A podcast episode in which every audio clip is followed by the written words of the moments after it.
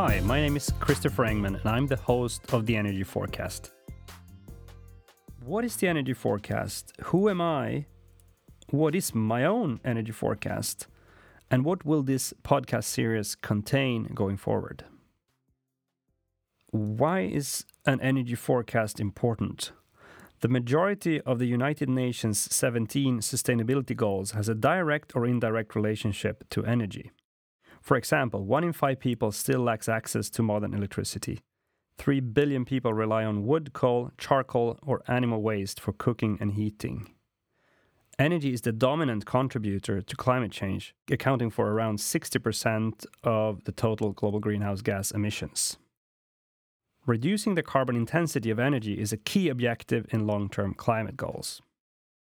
How will the energy mix look like when we've gone from brown to green, when we replaced coal, oil, and gas with renewable energy sources? This is a this is a question I have in my head every day, and I speak to a lot of people about it.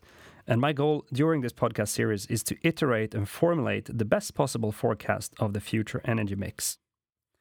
I'm personally deeply interested in the future. I'm constantly discussing the energy mix on a daily basis, so why not open it up for other people to listen in? The way to iterate and formulate the energy forecast is to interview entrepreneurs, academia, politicians, and other thought leaders from the categories wind, solar, heat, power, and batteries, but also other renewable energy categories. And I think this podcast series, at least for myself, will be highly interesting. I will learn a lot, and I'm sure that the energy forecast my, I have myself will be much better over time than it is today why is the energy topic interesting to me? The six biggest threats on a global basis, in, in my personal view, are global warming, global pollution, pandemics and antibiotics resistance, artificial intelligence, lack of clean water, and nuclear war. The one I'm personally most interested in is global warming and how we can solve it. That is why I'm running this podcast going from brown to green, what will it look like when the change has happened? And how can we navigate to get there? So, who am I? My name is Christopher Engman. I have a wife, I have three kids. I live in Stockholm, Sweden.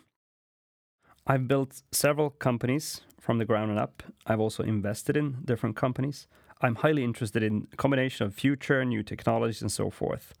But one thing that came to my mind a few years ago was that I, I felt I want to be part of building something big. I want to be part of something that matters. And that goes back to the, the six big threats that we have in the world that I just recently mentioned.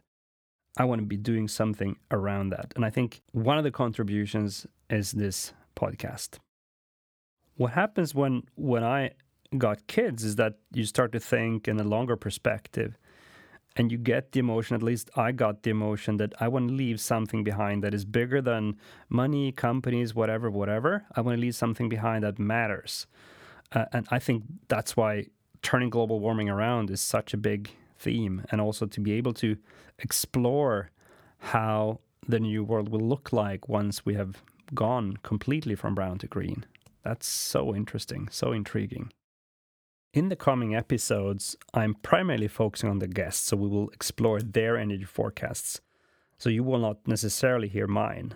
I'll give you a snapshot of mine as it is today. It'll very likely change over time. I think that the energy mix around 2050 and 2100, somewhere in between there, will be a blend of solar power, wind power, and heat power. Those will be the three big categories. And within heat power, we'll see both waste heat recovery from cement plants, steel plants, and so forth, as 50% of all energy is wasted as heat. That will be very big. And the second part of heat power is geothermal energy that is growing very fast and is very highly interesting. Within geothermal energy, I think uh, what is the biggest application today is flash plants. The weakness of those is that they empty the wells. I think binary plants where you feed back the hot water that you bring up from the ground, you feed it back to the wells. That is a sustainable solution, and we see a growth in that currently. On top of these big categories, I'm going to interview people from other categories. For example, Um, gravity light, very interesting solution where you use, use weight to generate electricity for lamps in, out in the desert and, and in, in rural places, and, and applications like that. So a mix of the big categories, but also the smaller applications that are, I think, highly interesting and very, very useful long term. I'd like to ask you for a favor.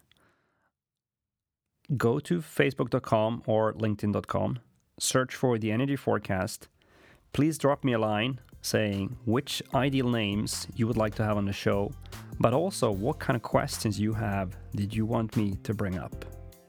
I hope you will enjoy the energy forecast and the coming episodes. Stay tuned. This episode was sponsored by Climeon, the world leader in converting low temperature heat into electricity. Please subscribe to the podcast for more episodes.